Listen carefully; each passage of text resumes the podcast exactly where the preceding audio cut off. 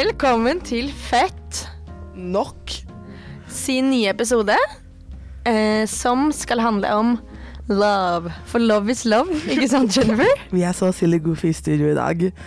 Men ja, love is live, love, laugh, eat, pray, love. Love. Men som du sier, dette temaet vi skal snakke om i dag, er kjærlighet. Ja, og de som skal snakke om det, er meg, Klara. Som er sus. Du kan referere til som uh, hun, henne, når du snakker med vennen din om podden. Og som er uh, host. Host nummer én og host nummer to er Jennifer. Jeg bruker fortsatt de den pronomen. I'm here, I'm queer and I'm ready to talk about love. In other words Vi er veldig silly goofy. Men eh, det har kommet et nytt tema av Fett, som kommer ut nå 2. Temaet er kjærlighet. Men kjærlighet, er ikke det litt kjedelig, da? Nei, vet du hva, helt ærlig. Jeg trodde det skulle være sånn OK, kjærlighet. Men uh, det er veldig mange interessante tekster, og derfor, sånn, det er skrevet og lagd med et helt annet perspektiv enn det man tror når man først tenker kjærlighet. Fordi det, jeg føler det er veldig aktivistisk, det er veldig radikalt. Det er veldig mange kule tekster. Mm. Men uh, ja, Men- vi har Hvilke tekster har vi? Altså, det er veldig mange interessante tekst- interessante tekster. En av mine favoritter er Get Money av Mariam Idris. Ja, Som er en bergensbasert, i hvert fall nå om dagen. Som nettopp har gitt ut en uh, debutroman. Okay. Og som har skrevet i Fett om hva da? Get Money, det er Bell Hooks og Lil Kim. Og Bell Hooks er da en legende innenfor uh, svart feminisme. Eller var en legende um, innenfor uh, svart feminisme, særlig. Ja. Og uh, har skrevet aktivist. Uh, Og aktivist. Og forfatter og mye. Mange og bra ting. hvem er Lil Kim? Mm. Ok. Eh, Lil Kim er en rapper. Sånn uh, blow up uh, til 90-tallet. mm. Jeg husker ikke. Men Så er det en sammenligning av de? Eller en Ja, på en måte. Ja. Uh, det er veldig interessant. Ja, fordi Mara Midri skriver blant annet at eh, det ikke var kjærlighet ved første blikk da jeg leste Bell Hooks for første gang. Men at mitt første møte med den amerikanske forfatteren Bell Hooks var et intervju med rapperen Lil Kim. Så da er det en liten uh, uh, sammenligning. Blant annet her at akademikeren er allerede berømt for antirasistisk og feministisk arbeid, men rapperen er det mer uenighet om. Mhm. Og hva mer har vi? Vi har en tekst av Lara Okafor. -hmm. De har skrevet om eh, kjærlighet i aktivisme. Og hvor viktig det er for oss som driver aktivisme å stille folk i our community, eller poden vår, til på ansvar da, når de gjør ting som ikke kanskje samsvarer med hva vi jobber for. At det er viktig å vise kjærlighet på andre måter enn bare nikke og være yes people. Mhm. Selv om det er noen i sitt eget miljø? Ja, spesielt da. Mhm. En kul tolkning av kjærlighet, spør Ja. meg. Og eh, Tatjana Kolpus, som har skrevet en tekst som har en samisk tittel som ikke jeg klarer å uttale. Munruksta... Mun, Altfor dårlig samisk. Rakstan du Sap- Sápmi, som jeg føler er et kjærlighetsbrev til eh, forfedre. Som handler om eh, Jeg er ikke sikker hva pronomen de bruker, så jeg sier bare de, men dems på en måte vei til å finne ut hvem de er, og ja. Kjærlighet til forfedre som man kanskje ikke alltid er oppvokst med eller kjenner, men som er viktig for en. Veldig mye bra. Og så har vi også en tekst som heter 'Skeiv på andre måter'. Skeiv på mange måter. Skeiv på mange måter. Som er skrevet av Lulululul. Luka Darm Espeseth. Som vi har vært så heldige og skal få prate med. Og skal ringe opp eh, straks. Eh, og hva handler teksten om, Jennifer? Eh, det er vel en tekst om å være skeiv på mange måter, og spesielt om å være poly. Mm. Polyamorøs. Polygam. Polyamori. Mm. Eh, ja. Mm. Vi gleder oss til å høre med han eh, etter han har eh, lest opp teksten for oss. Det blir veldig gøy, veldig spennende. Hot, steamy, sexy, fly, cool.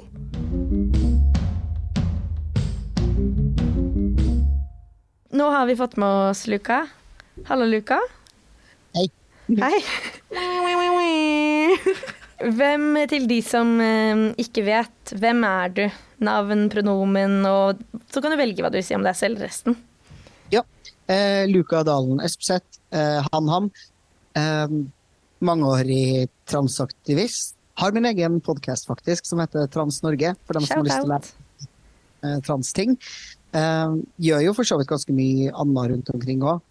Eh, men ikke noe jeg trenger å nevne her akkurat nå, tror jeg. Eh,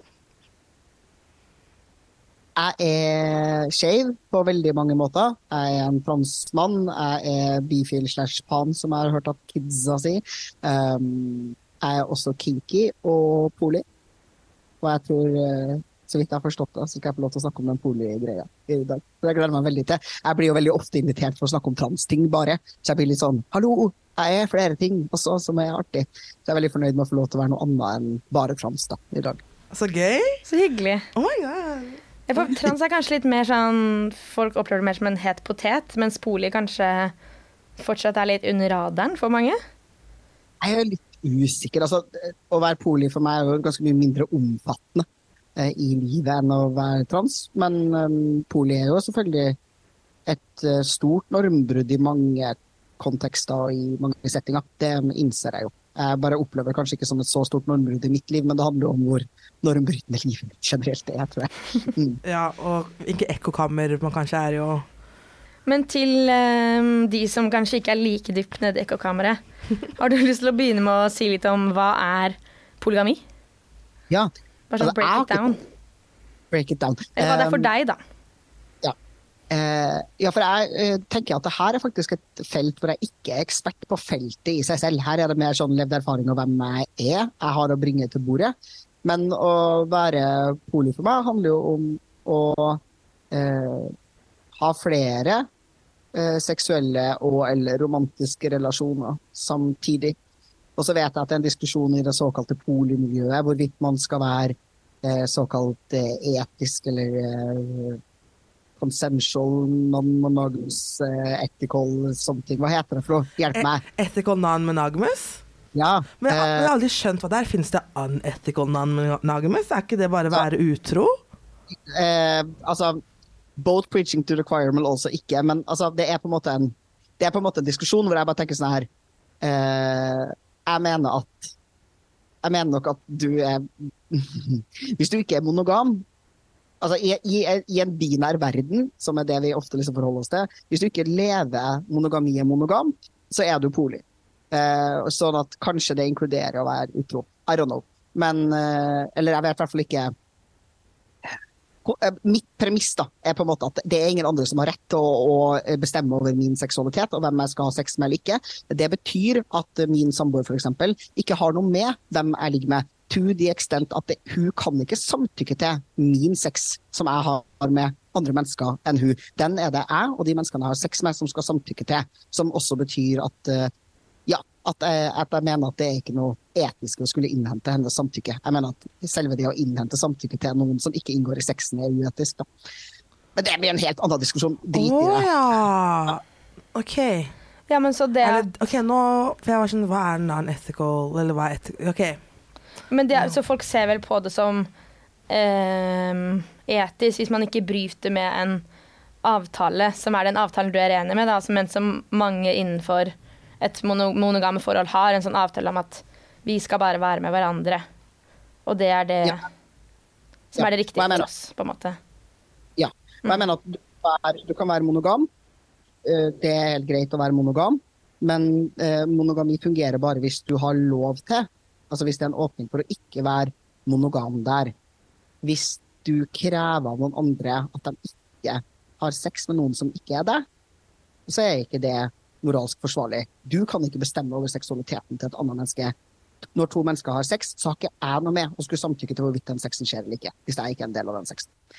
Det er det jeg mener at er problematisk med monogami i seg selv. da. Ja, det eierskapet, på en måte. Ja. Det er bare hvis, hvis jeg skal kunne samtykke til Hvis jeg skulle ha noe å si da, for hvis dere to kunne ha sex med hverandre, så kan man vel si at staten skulle ha noe med det å gjøre også. Men det, det har jo staten, på en måte, da. Ja, definitivt. Eller en statsleder eller en religiøs leder eller whoever, da. Eh, jeg tenker at det er ikke noe mer naturlig at en eh, person du er en romantisk eller seksuell relasjon til, skal ha en råderett over seksualiteten din, enn at staten eller en religiøs leder skal ha det. Mm ble det her Eh. men ja. Ja, ja, men vi har jo hørt teksten din, og det er jo litt det som noen av argumentene som går igjen i teksten også. Men som kanskje mange vil tenke å, men skal ikke jeg kunne få lov til å At min kjæreste bare skal At det skal være nok for dem å være med meg? Mens du sier jo veldig sånn gøy at uh, jeg vil ha alt. Ja, og jeg syns det er veldig mye forventa av én person. At én person skal være alt for deg. Det er så mye å legge på ett menneske. What the fuck? Nei. Ja, altså preaching to the choir.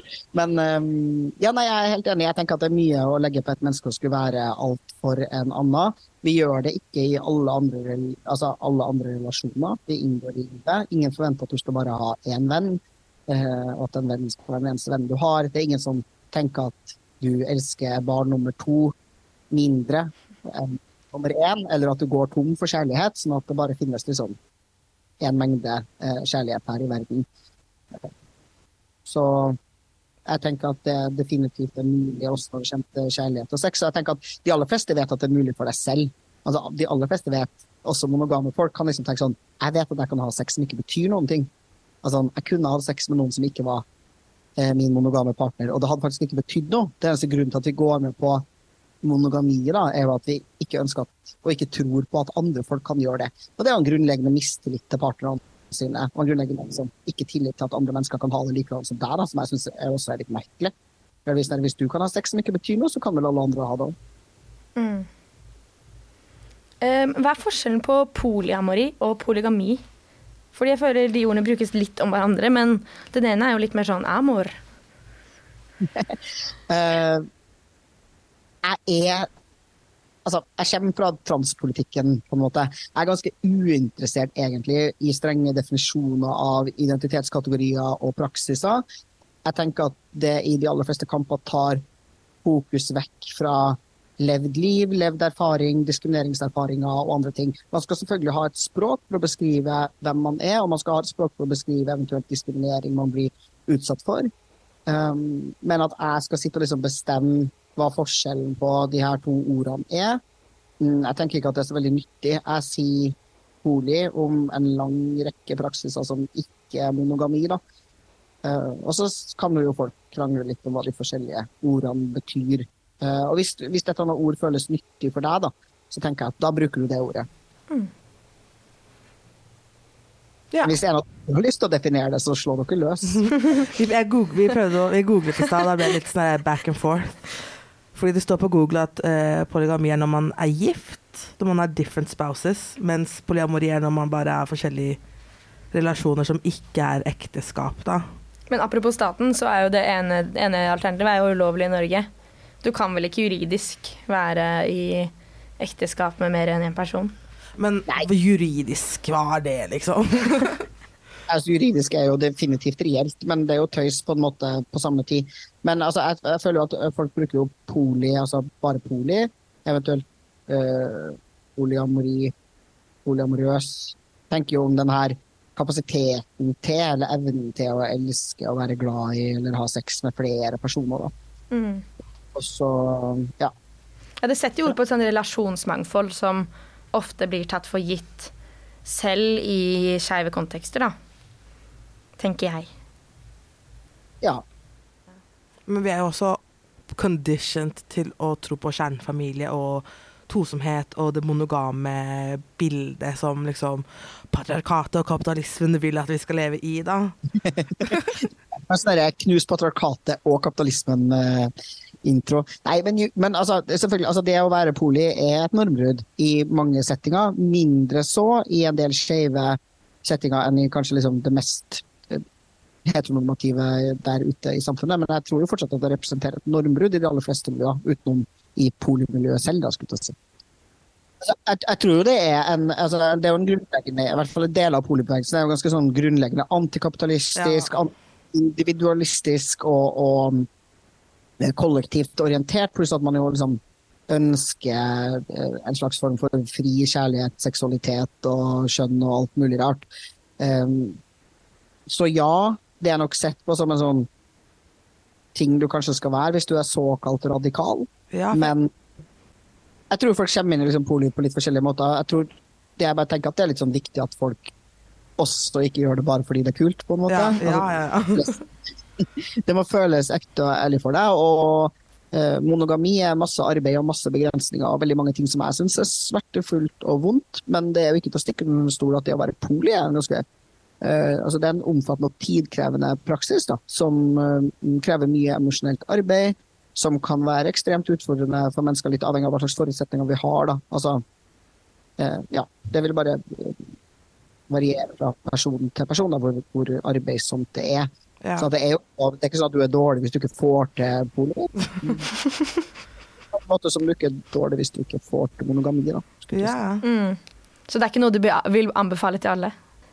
Jeg vil definitivt anbefale alle mennesker å, gå i seg selv og tenke over hvorfor man velger å være monogam, og så kjenne at det faktisk er et valg. Da.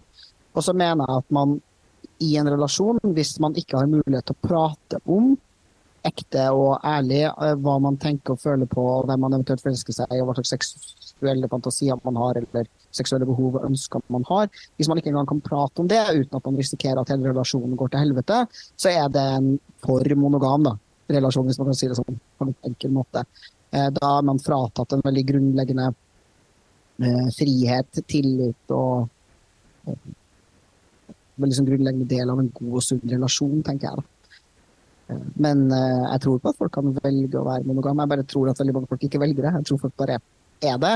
Og så ender man opp med en slags form for seriemonogami, der hvor man tenker at hvis jeg forelsker meg med andre, så betyr det at jeg ikke elsker kjæresten min lenger. Hvis jeg har lyst til å ha sex med andre, så betyr det at jeg er et dårlig menneske. Hvis jeg ender opp med å ha sex med noen andre, så er jeg et helt forferdelig menneske. Og jeg syns jo også eh, det her har for så vidt Alexander Sørli, min cohost på min vanlige podkast, skrevet ganske bra om sammen med sin partner. eh, og det her at eh, du må gjerne tenke at det er liksom umoralsk eller dårlig hvis noen har inngått i en monogam kontrakt og så har sex med noen andre, men er det proporsjonalt eh, altså er, er straffen til, til lovbruddere i hermetegn, eh, når du basert på en eller annen gang uten å ha skada noen, har kyssa noen eller hadde sex med noen, og så gjør det at du mister halve huset ditt og hele vennegjengen din og samvær med ungene dine 50 av tida, og kanskje til og med jobben din. Um, altså, Man må gjerne tenke at utroskap er helt forferdelig, men jeg tenker at så forferdelig er det faktisk ikke. da. Eh, og hva er det som gjør at folk er utro? Det er en veldig sterk monogaminorm. Det er trusselen om at hvis du er ærlig om hva dine følelser og lengsler og begjær i livet er, så får det veldig alvorlige konsekvenser. Man bruker masse tid og krefter på å prøve å begrense seg selv og prøve å unngå det her forferdelige tingen det liksom skulle være, da, å ha sex med noen. Eh, og så kanskje gjør man det allikevel. Um, og jeg tenker at man har liksom ikke helt fått muligheten til å være ærlig om at det var det man hadde behov for. Da. Um, og jeg tror at man kan forvente også av en partner at de skaper det rommet da, til å, å få partneren sin til å være trygg og til å være ærlig om hvem de er og hva de ønsker seg. Og i monogame forhold så tenker jeg at det veldig ofte mangler, og da er utroskap en konsekvens av det som jeg tenker at det er um, um, mer et delt ansvar enn det vi tenker at det er. da. Det er ikke bare den ene parten som har vært ræva eh, i en relasjon hvor noen er mot med å være utro. Det kan være eh, også at den andre parten har bidratt til en relasjon som gjør det vanskelig da, å være ærlig om hvem man er og hva man ønsker seg. Og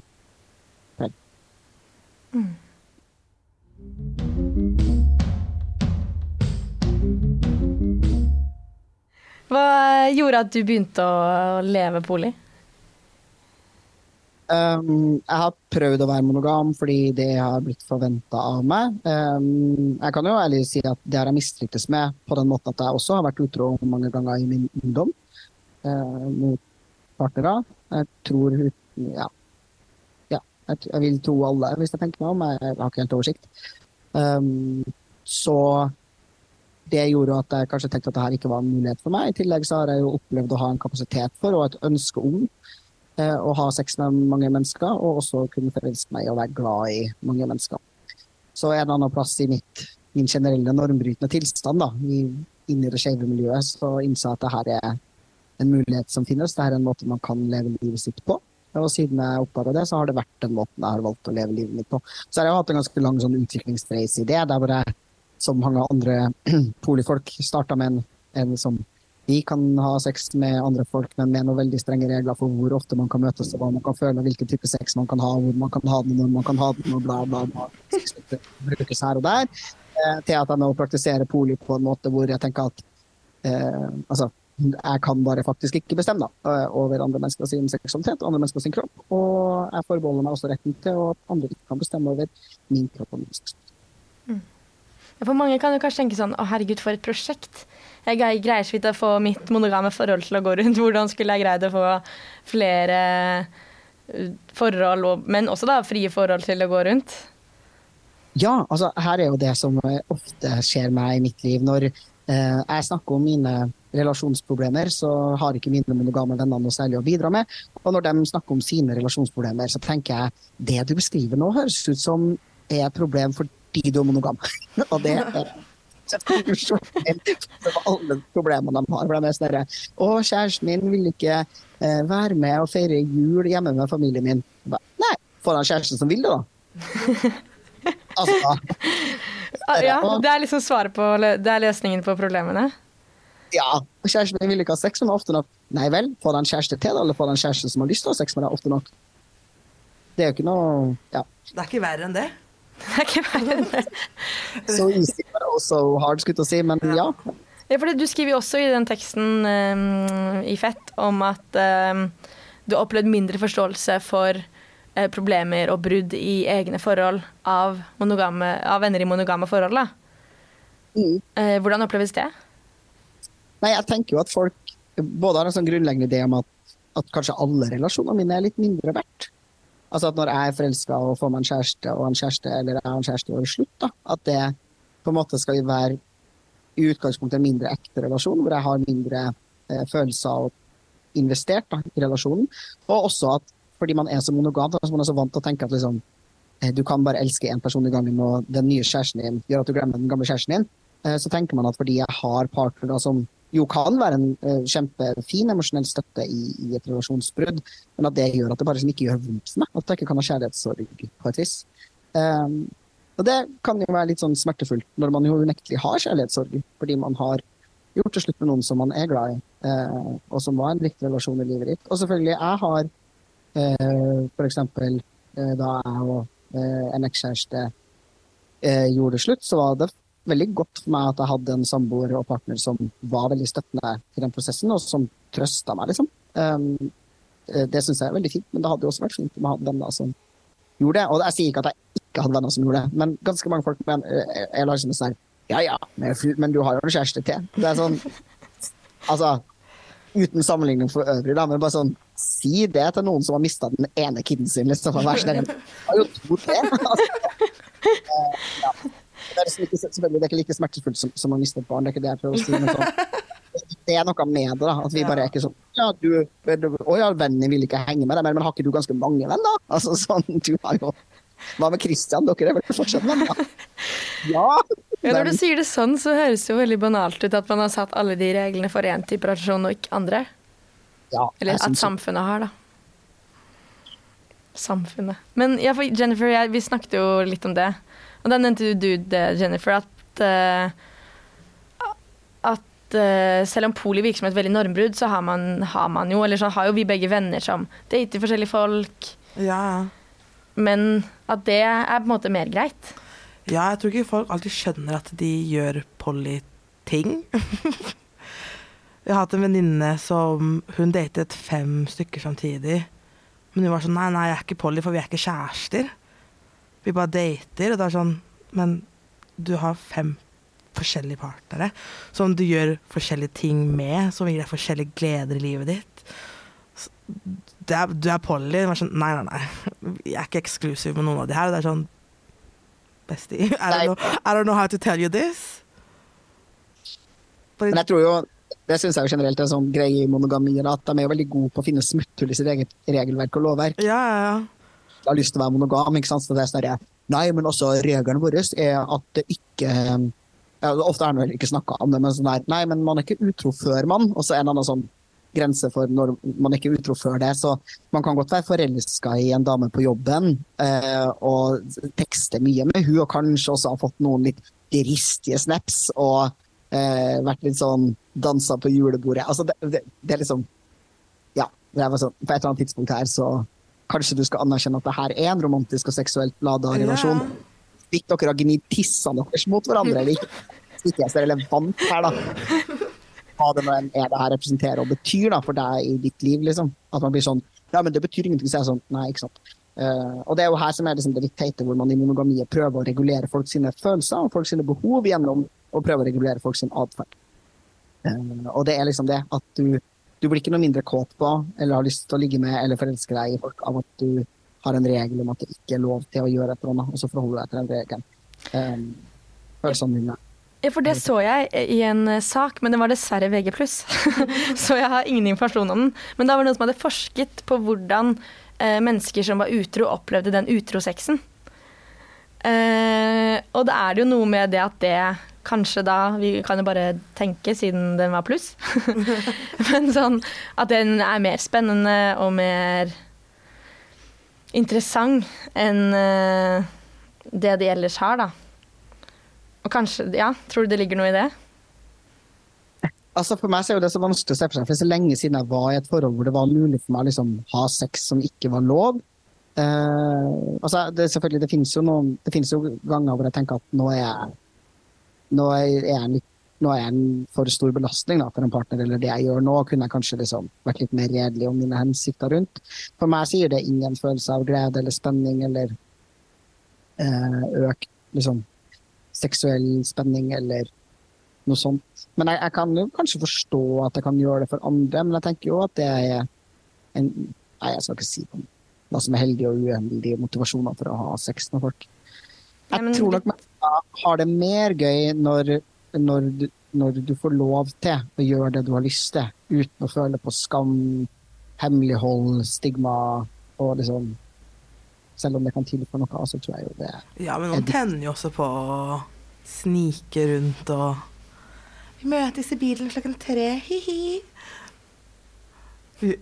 Herregud, altså noen tenner på absolutt alt. Ja, ja. Det absolutt alle får lov til. Det er helt fint, det. Um, ja. Da må de bare gjøre det, da. Ja. Rett og slett. Um, ja, fordi jeg um, Du har jo skrevet litt i den teksten også om at liksom hele samfunnet bør tenke mer kollektivt. Og jeg husker fremdeles i en dokumentar som kom ut for veldig lenge siden, at uh, i den der Mann uten penis-dokumentaren, at du skildret uh, en sånn drømmeverden. Uh, har du litt, litt, lyst til å si mer om ditt bilde på en sånn mer kollektivt idealsamfunn?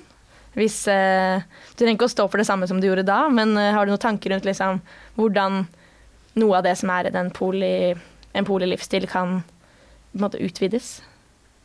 Ja, jeg tenker jo at altså, um, være, altså monogami er en slags sånn forlengelse av den slemme kapitalismen. Liksom. Den uh, tvinger oss til å leve i, i tosomhet, til å inngå i bitte små produksjonsenheter hvor vi eh, opplever også kjærlighet som en ressurs det er mangel på. Og så begynner vi å liksom, hårde eller passe på det på den måten vi gjør under kapitalismen. Og vi tenker at liksom, det er lurt å ha masse penger i banken, eller det er lurt å prøve å jobbe seg i hjel, eller andre ting da, som bare er en sånn kapitalistisk logikk som vi burde ta avstand fra på et eller annet vis. Og så tror jeg at vi mennesker har det godt av å bo sammen, av å ha flere mennesker å lene oss på og støtte oss til i hverdagen. Jeg tror på kollektive altså kollektivet for å holde hverandre ansvarlig, for å utvikle en felles moral og forståelse av hva som er riktig og galt. Jeg tror at den, det at vi isoleres i, i tosomhet, er, er, kjempefarlig. Jeg tror liksom grensa for hva som oppleves som normalt i enkelte relasjoner, er helt absurd. Jeg tenker jo at veldig mange monogame folk beskriver dynamikker i sine forhold som jeg ville sagt at er kjempeabusive, eh, og fremstiller det som om det er helt vanlig.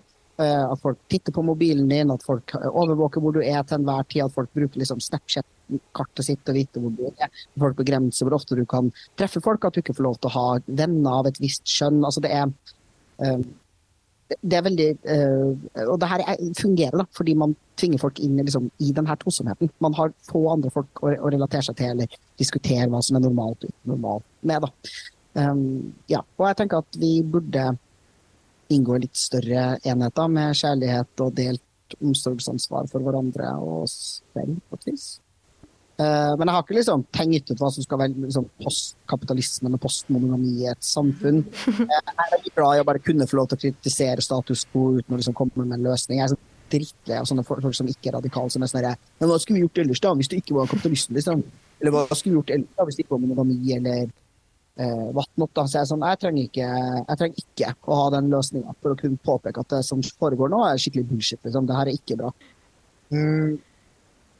Nei, men jeg må jo si at, uh, at jeg syns at seksualitet uh, er noe litt større og vakrere og finere og mer kjærlighetsfullt enn det det blir framstilt som, kanskje, i samfunnet vårt av og til. Og at jeg tenker at det å uh, For meg har i hvert fall seksualiteten vært en arena for å finne seg selv og bli på bedre psykisk helse og, og utforske følelser og, og, hvem jeg er, da. Som jeg tenker at hadde vært vanskelig å få til hvis jeg bare skulle hatt én og jeg tror på sex som en inngang til ganske mye liksom, healing-arbeid, uten å høres helt sånn hippie-go-lucky ut. Nei, men altså It makes sense. Hvor ja. mange, hvor mange, hva, er, hvor mange som, hva er det mest antall partnere du har hatt? Dette er sånn nachspiel-spørsmål. Ikke samtidig, altså, eh, hvis du vil, men eh, sånn Jeg tror jeg, altså, det, jeg betegner meg selv som såkalt polysacrated at the moment. altså sånn at jeg, jeg har ikke noe mer emosjonell kapasitet til å ha partnere nå. Og da har jeg um, en samboer, og så har jeg to personer som jeg har data i et, sånn, et halvårs tid, som er ganske seriøse, forpliktende relasjoner. Uh, og så har jeg begynt å date en da, fjerde person relativt nylig, som jeg også har litt sånn um, uh, Ja, har noen følelser knytta til. Da. Um, så det, nå kjennes det ut som uh, at nå har jeg ikke noe mer. Da. Hvis det, nå, har jeg ikke plass til flere folk. Liksom. Så selvfølgelig uh, et og annet casual ligger med, med, noen som har hatt en liksom, seksuell relasjon med over år, hvor man bare kan møtes, ha sex og så se en film eller gå på gymmen eller liksom, mer sånn vennskapelig. Det, det, har jeg fortsatt plass til, men det er ikke noe mer. Jeg har ikke mer emosjonell plass, og heller ikke mer timeplanplass. Nei. Akkurat. Ok, men da hørte dere det her først. Uh, no sliding into DMs, med mindre det er en quick one. jeg tror folk kan bli litt mer fornærma da. Litt sånn der 'Å ja, du vil ikke'. Men det er jo ingenting som stopper deg. Altså, det, det, som stopper meg, er at hvis du prøver å få til en date med meg, så har jeg, jeg tror det er neste åpne sketsj, altså 28. desember. Ja. Den, er, den er åpen fortsatt. Det er en god dato. Da er jeg barnefri. Men har du, på kalenderen din, har du, sånne, har du fargekategorisert uh, partnerne dine? Uh, nei, altså uh, jeg har uh, Altså jeg har en samboer som Vi har en delt Google-kalender. Oh wow, it's serious! ja, altså hvor vi legger inn når vi skal på date eller på sextreff med andre folk. Og det handler jo liksom om at når man er nesting partners, altså når man bor sammen, så Eh, er det at man må vite når man skal spise middag når man ikke skal spise middag. Um, og så har man også selvfølgelig en noenlunde oversikt over sånn andre ting. Jeg vet jo når min samboer henger med vennene sine, og når hun er på jobb, og, og andre ting også.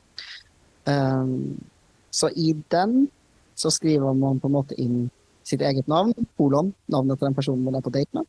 Um, så det var liksom felles. Utover det så vet alle mine andre partnere selvfølgelig om hverandre. Uh, men all den tid, tida jeg tilbringer med dem, er litt mer avgrensa, så trenger jeg på en måte eh, så, si, så har jeg sånn, Utover at jeg åpent snakker om sånn I går var jeg og traff XXX eh, til noen andre parter, så, så er det ingen som trenger den type oversikt over hvor jeg faktisk er, da, tenker jeg. Hvis noen har et behov eller ønske om det, så kunne jo det for så vidt gått an. Ellers er min kalender fargekoordinert ut fra aktivitet og ikke hvem. Ok, ja. Så jeg har en egen, altså en egen, farge for trening og fysisk aktivitet. Eh, arbeid. Eh, ting som er knytta til liksom, transaktivisme. Eh, dating per se. Hvilken farge er dating? Jeg skal ta frem det, jeg husker. Skoleavisa ringte og ville ha tilbake spørsmålene sine. Sorry, jeg, jeg er steinbukk. Jeg, det jeg er sånn, ja, jeg vil la meg høre om hvordan du har organisert kalenderen din. Wow.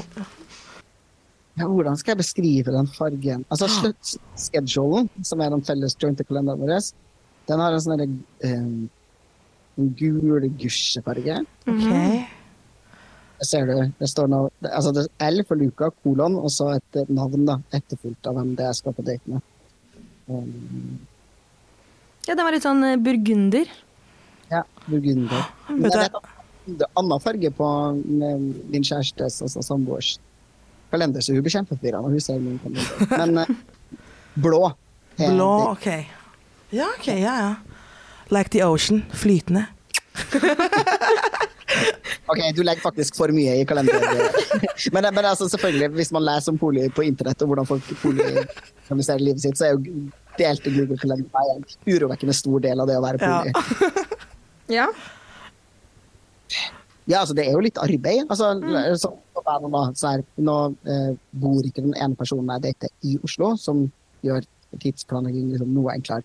Men det fins sju kvelder i uka. Jeg er relativt aktiv som liksom, aktivist, og jeg har venner, og jeg liker også å trene, og av og til så jobber jeg også på kveldstid. Så man har sju kvelder i løpet av en uke. Hvis man da f.eks. tenker at min samboer har lyst til å henge med meg én til to kvelder alene, bare oss to, og så kanskje én til to kvelder med noen venner, eller whatever, så er vi oppe i tre til fire kvelder. Og så har jeg da to andre som kanskje har lyst til å treffe meg én til to ganger i uka hver, fordi det har man jo. Så kan man jo gjøre matten selv. Da er det ikke så veldig mange kvelder. Har du, ehm, har du liksom et hierarki i forholdene dine, eller er det mer sånn alle er like mye verdt, holdt jeg på å si?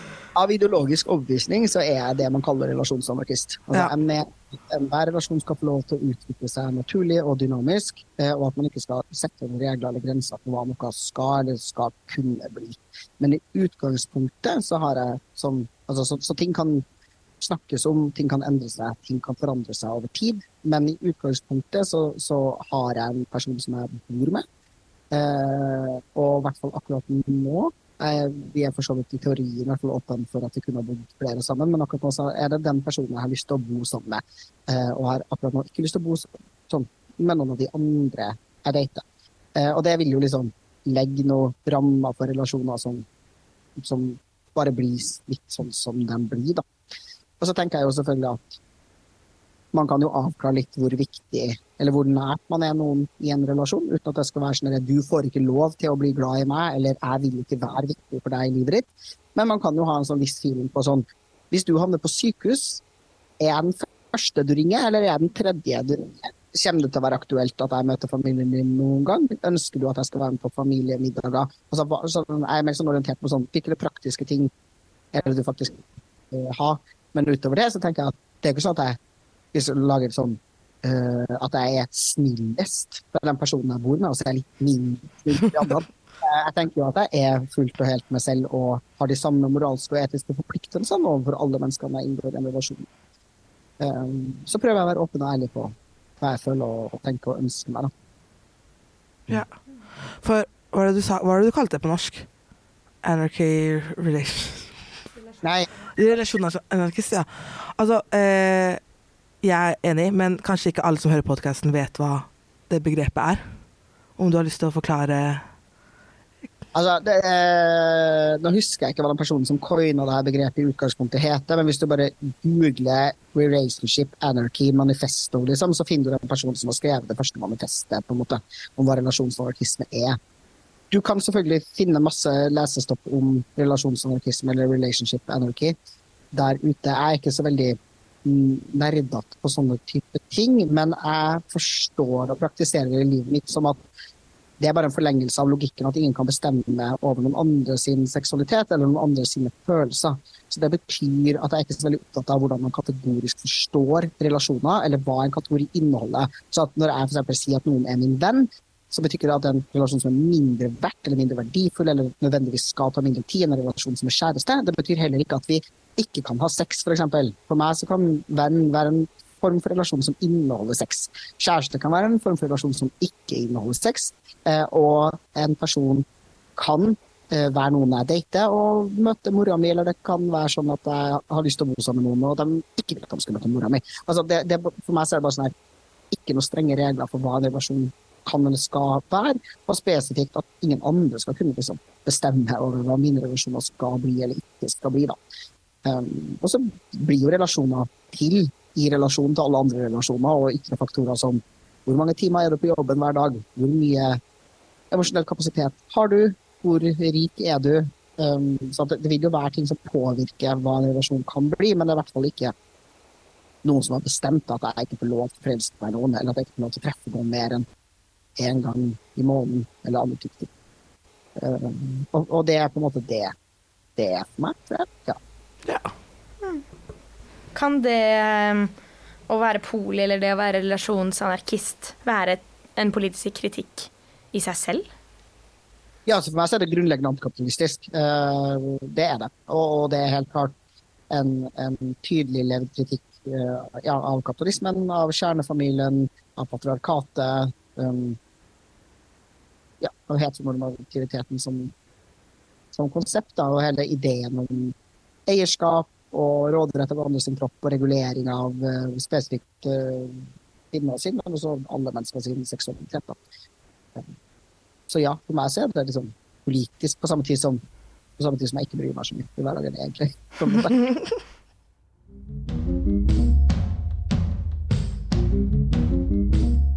Temaet er jo kjærlighet i dag. Og hva er vel mer relevant og en mer relevant plattform for å diskutere kjærlighetsrelasjoner på enn Kvinneguiden? Rett og slett. Jennifer, vi skal la Kvinneguiden guide oss. Rett og slett, ja. For vi har funnet noen um, Da kan jo kanskje du være guiden da, til disse kvinnene, såkalte kvinnene. Um, jeg er den nye Frode Thun her, jeg, Jeg er heller klar for, for, for altså, så det er sagt, jeg er jævlig klar for. OK. Ok, Men vi har funnet noen som handler om litt det vi har snakket om. Og da eh, skal vi begynne med 'tabbet meg ut med venninne', kysset Ja. og klint. Ja. Ok. Anonym bruker. Skrevet 12. september 2022. Aner ikke hvordan jeg skal løse dette. Er samboer med mann i tolv år. I tolv år. To barn sammen. Alt er helt greit. Lyst, lyst og slike ting går jo i bølger. Sex kanskje et par ganger i måneden. Etter så mange år er det jo normalt at lysten svinger.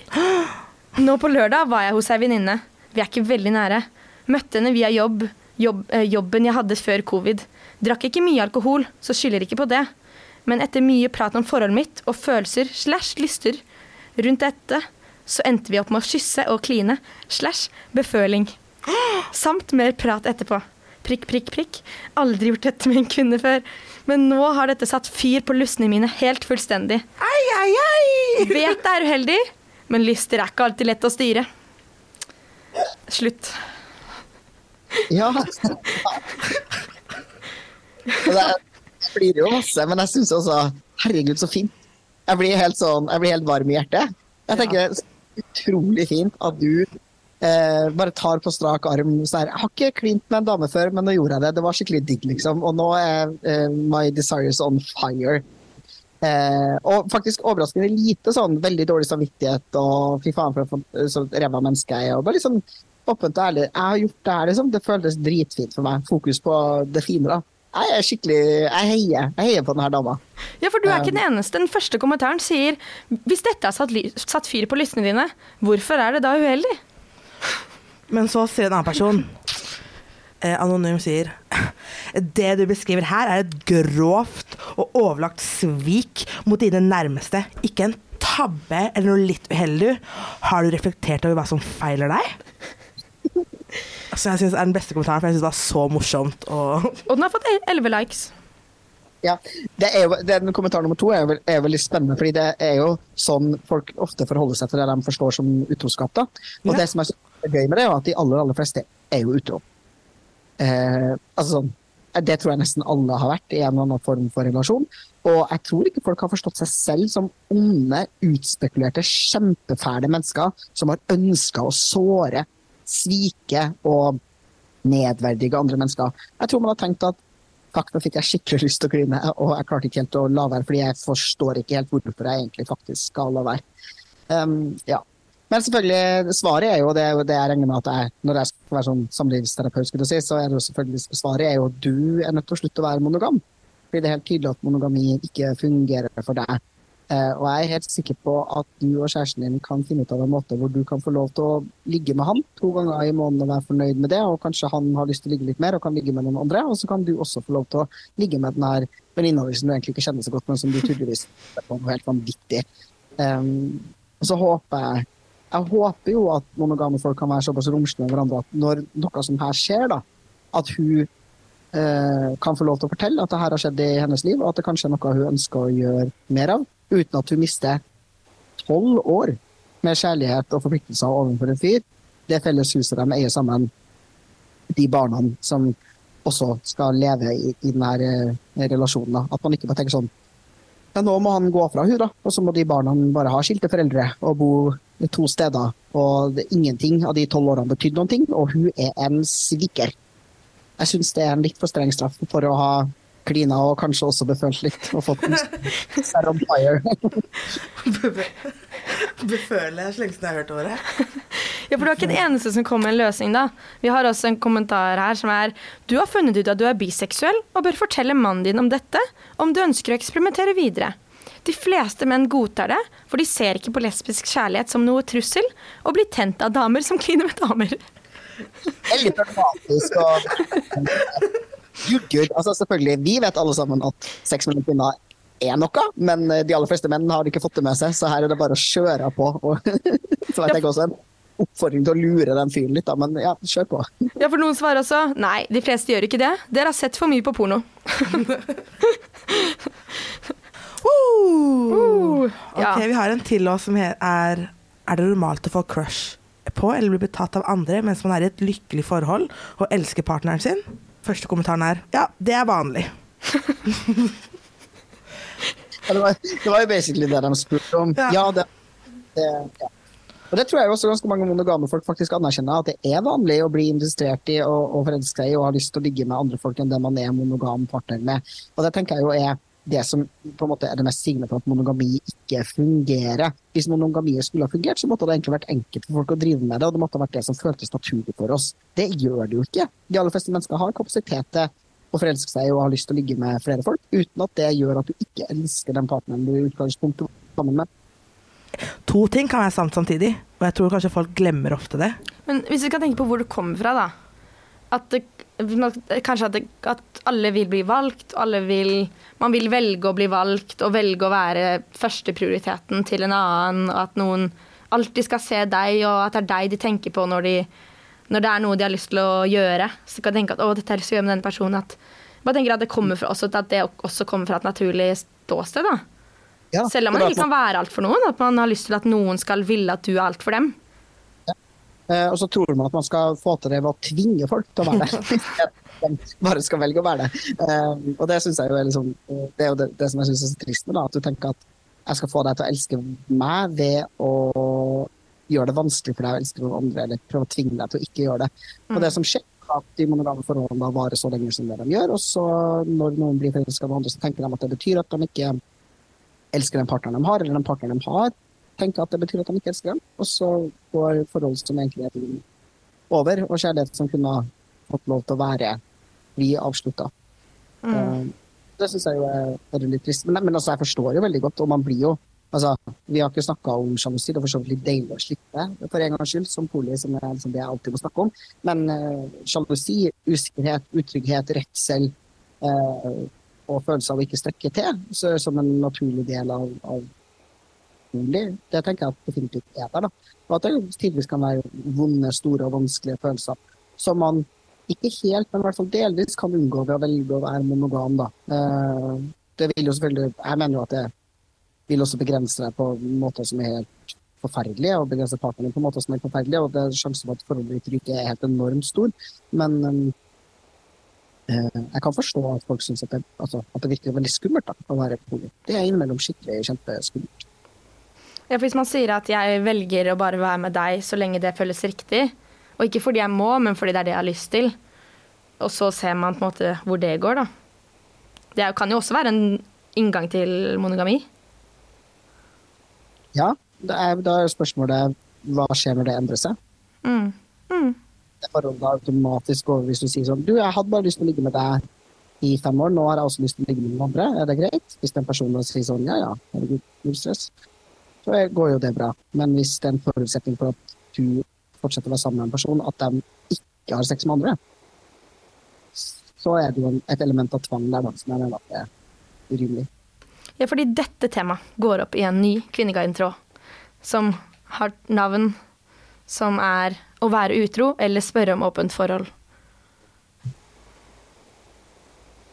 Og den er uh... Skrevet av anonym bruker 5. november. Og den er Jeg kan prøve å korte ned litt, men er da at eh, vedkommende har vært sammen med samboeren Ja, jeg har vært sammen med samboeren min i veldig mange år, og heller aldri hatt andre kjærester enn han, og hatt sex med andre i hele mitt liv. Jeg har ikke noe ønske om å gå fra han, men jeg skulle ønske at jeg hadde noen andre erfaringer med menn enn kun han. Dette ble spesielt aktuelt da jeg ble forelsket i en kollega i fjor. Eh, og så er det da Jeg vil ikke bryte opp hus og hjem pga. de tankene og følelsene jeg har. Og jeg vil ikke være umoralsk. Samtidig tenker jeg iblant at jeg kun, kun har ett liv. Yolo. Og jeg er så nysgjerrig på hvordan det er å være med han. Og så har jeg denne veldig aktuelle kandidaten, da. Som eh, vedkommende presenterer, som er en kollega. Som jeg vil tro er med på notene og tar initiativet. Noen som har vært i lignende situasjon? Veldig mange Mange, men yndlingskommentaren min er. Det her er jo bare tøv. Om hun er 40 år og aldri ligger med en annen partner, fortjener hun faktisk å utforske sex. Tenk å gå i graven og bare ha knulla én fyr. Tragisk. og kun en usikker tøffel er problemet med at hun har sex med andre. Så lenge man holder det kun til sex, så er det null problem med å ha åpne forhold. Problemet starter når kvinner begynner å blande inn følelser og skal ligge med menn de blir interessert i, istedenfor kun sex. Typisk kvinner å eh, utvikle følelser for folk de eh, tilbringer mye tid med, deler fine opplevelser med og har sex med. det er sånn, og for en menneskelig svakhet det er. Det er det som er tragisk. Ja. Eh, nei, jeg syns jo hun, hun setter jo ekstremt eh, fint ord på hva det er man risikerer når man er i et monogamt forhold og i det hele tatt bare har lyst til å snakke om muligheten av at det ikke skal være monogamt. Um, hun fremstiller jo litt som at hun er jo redd for at bare det å si fra om at du har de her lystene og behovene, skal gjøre at hun mister hus og hjem og et, et fint forhold og en fin relasjon som hun har lyst til å være i. Da. Eh, Og den frykten tenker jeg at det er helt, det helt reelt. Veldig mange folk vil eh, reagere negativt på å ha en partner som sier noe så grunnleggende som at de kunne tenkt seg, da. Og jeg mener jo at det ikke er et outrageous ønske kunne tenke seg å ha sex med mer enn én person i løpet av hele livet sitt. Altså, jeg sier som hun, yolo. Eh, Yolo. og som nummer én. Det er faktisk helt helt merkelig hvis du har lyst til å ligge med mer enn én person, og bare skulle ligge med én person i løpet av livet. Da er det vanvittig mye fint du går glipp av som kunne ha vært digg og deilig. Gitt at du har lyst.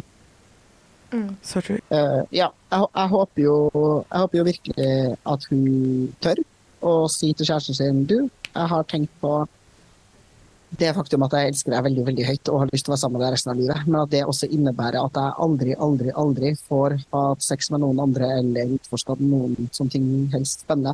Jeg tror det kunne vært berikende for meg som menneske. Jeg tror det kunne vært berikende for vårt sexliv og vår relasjon om jeg også fikk lov til å utforske litt av andre ting. Jeg tror det kunne gjort meg tryggere i at det er det her jeg vil. Uh, ja. Og at man slipper å bruke tid da, på å lure på hvordan det kunne ha vært. uh, eller å lengte mot noe man ikke kan få. Jeg tror det er ganske ødeleggende for de relasjonene man er hvis man alltid går rundt og er litt sånn bittersur eller lengtende, da, fordi man føler at man har en partner som begrenser deg, eller som er den som står i veien for at du skal kunne ha fine opplevelser, istedenfor at partneren din er noen som bare gir deg fine opplevelser, og så er det noen andre der som også gir deg fine opplevelser.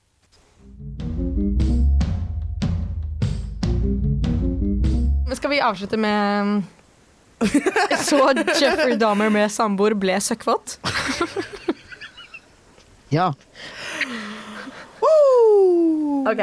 Fordi dette er det vil, Dette vil jeg si er the hardest take of the season. Ok. Av Tøydokka. Skrevet 22. oktober. In character. Eh, i, eh. I går kveld begynte vi å se denne serien. Vi pleier å ha sex når vi legger oss. Jeg er ofte tørr og ikke kåt når vi setter i gang. De siste kveldene har vi sett Netflix-serien om Jeffrey Dahmer, og jeg vet ikke helt hvorfor, men jeg merker at jeg blir så kåt av programmet. Han er så merkelig og rar i oppførselen sin men gjør det på en sånn dominerende måte. Jeg tar meg å tenke at samboer ville hatt null sjans så den konfliktsky personen han er. Sitter og ser for meg at han blir manipulert og utnyttet og drept. Åh, og dette gjør meg veldig kåt. Tanken om at Dahmer kommer hit og kommanderer oss og gjøre ekle ting og nedverdiger oss. Faen så kåt jeg blir av den dusten. Tenk på at han har all kontroll og bruker oss som han vil. Tenker nå sex, ikke dreping, partering, opphold i fryseren og litt spising. Tenker bare på den første fasen. Damn, han skulle fått utnytta meg. Sykt at jeg tenner på dette. Rene ondskap. Hm, tror dere det går an å bryte tenningsmønsteret?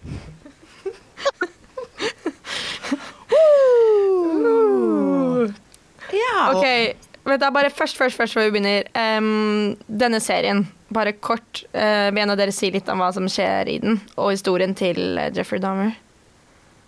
Jeffrey Dahmer var en seriemorder eh, som likte å Eller drepte unge, gay, eh, black and brown menn. Og likte å skjære og partere og samle på hoder og Jeg tror han prøvde å lage en sexrobot. Det var liksom målet hans med det her. Eh, ja, å lage sexzombies. Ja. Ja. Så eh, Kvinneguiden-ekspert Luca Dalmresp Espeseth, hva har du å si til tøydokka? Eh, altså, for et deilig valgt navn, da. Tøydokka. Eh, det jeg tenker er at eh, altså, sånn, Helt ærlig, liksom. Tøydokka, du er kinky. Du har lyst til at noen skal komme og dominere deg på den måten du nettopp beskrev. Det er kryr av mennesker der ute som har lyst til å gjøre det. Det kan hende at de har lyst til å gjøre det som kjæresten din, så du må bare eh, Du må bare si det her til typen din. Um, og så tror jeg jo kanskje at eh, i deres seksualliv, da, så er det kanskje en fordel hvis dere prøver å bryte opp i det mønsteret hvor dere hver kveld har sex som du i utgangspunktet ikke har lyst på, og er tørr og ukåt når dere starter å ha. Fordi jeg tror kanskje kroppen din lærer seg at han fyren her ikke er så gøy å ha sex med. Det kan hende at han faktisk er litt artigere enn det du tenker. Eh, eventuelt bare få inn noen da, som skal ydmyke og nedverdige mens du ser på, og er kjempekåt og syns at det er dritt. Liksom, altså, slå deg løs, eh, så lenge alle parter er sånn type det her. Og, og eh, jeg ville også avstått fra den parteringsdelen av den seksuelle fantasien. Hva med opphold i fryseren og litt spising? Bare litt. Jeg, jeg foreslår at vi um, tar en kald dusj, og så biter vi litt. Men eh, vi avstår fra både fryser og selve spisinga. Men altså, a little eating out, am I right? Lykke til videre, tøydokka. Thoughts and prayers. Nei, men eh, med det skal vi eh, runde av denne eh, litt av hvert eh, kjærlighetspodkasten. Luka, har du noen parting words? Eh, eller altså eh, Jo, jeg håper alle i hvert fall tenker over om monogami er det, er det riktige valget for dem i deres liv. Join the dark side. We have cookies. Masse sex og kjærester. ja. Her er vi søkkvåte hele tiden.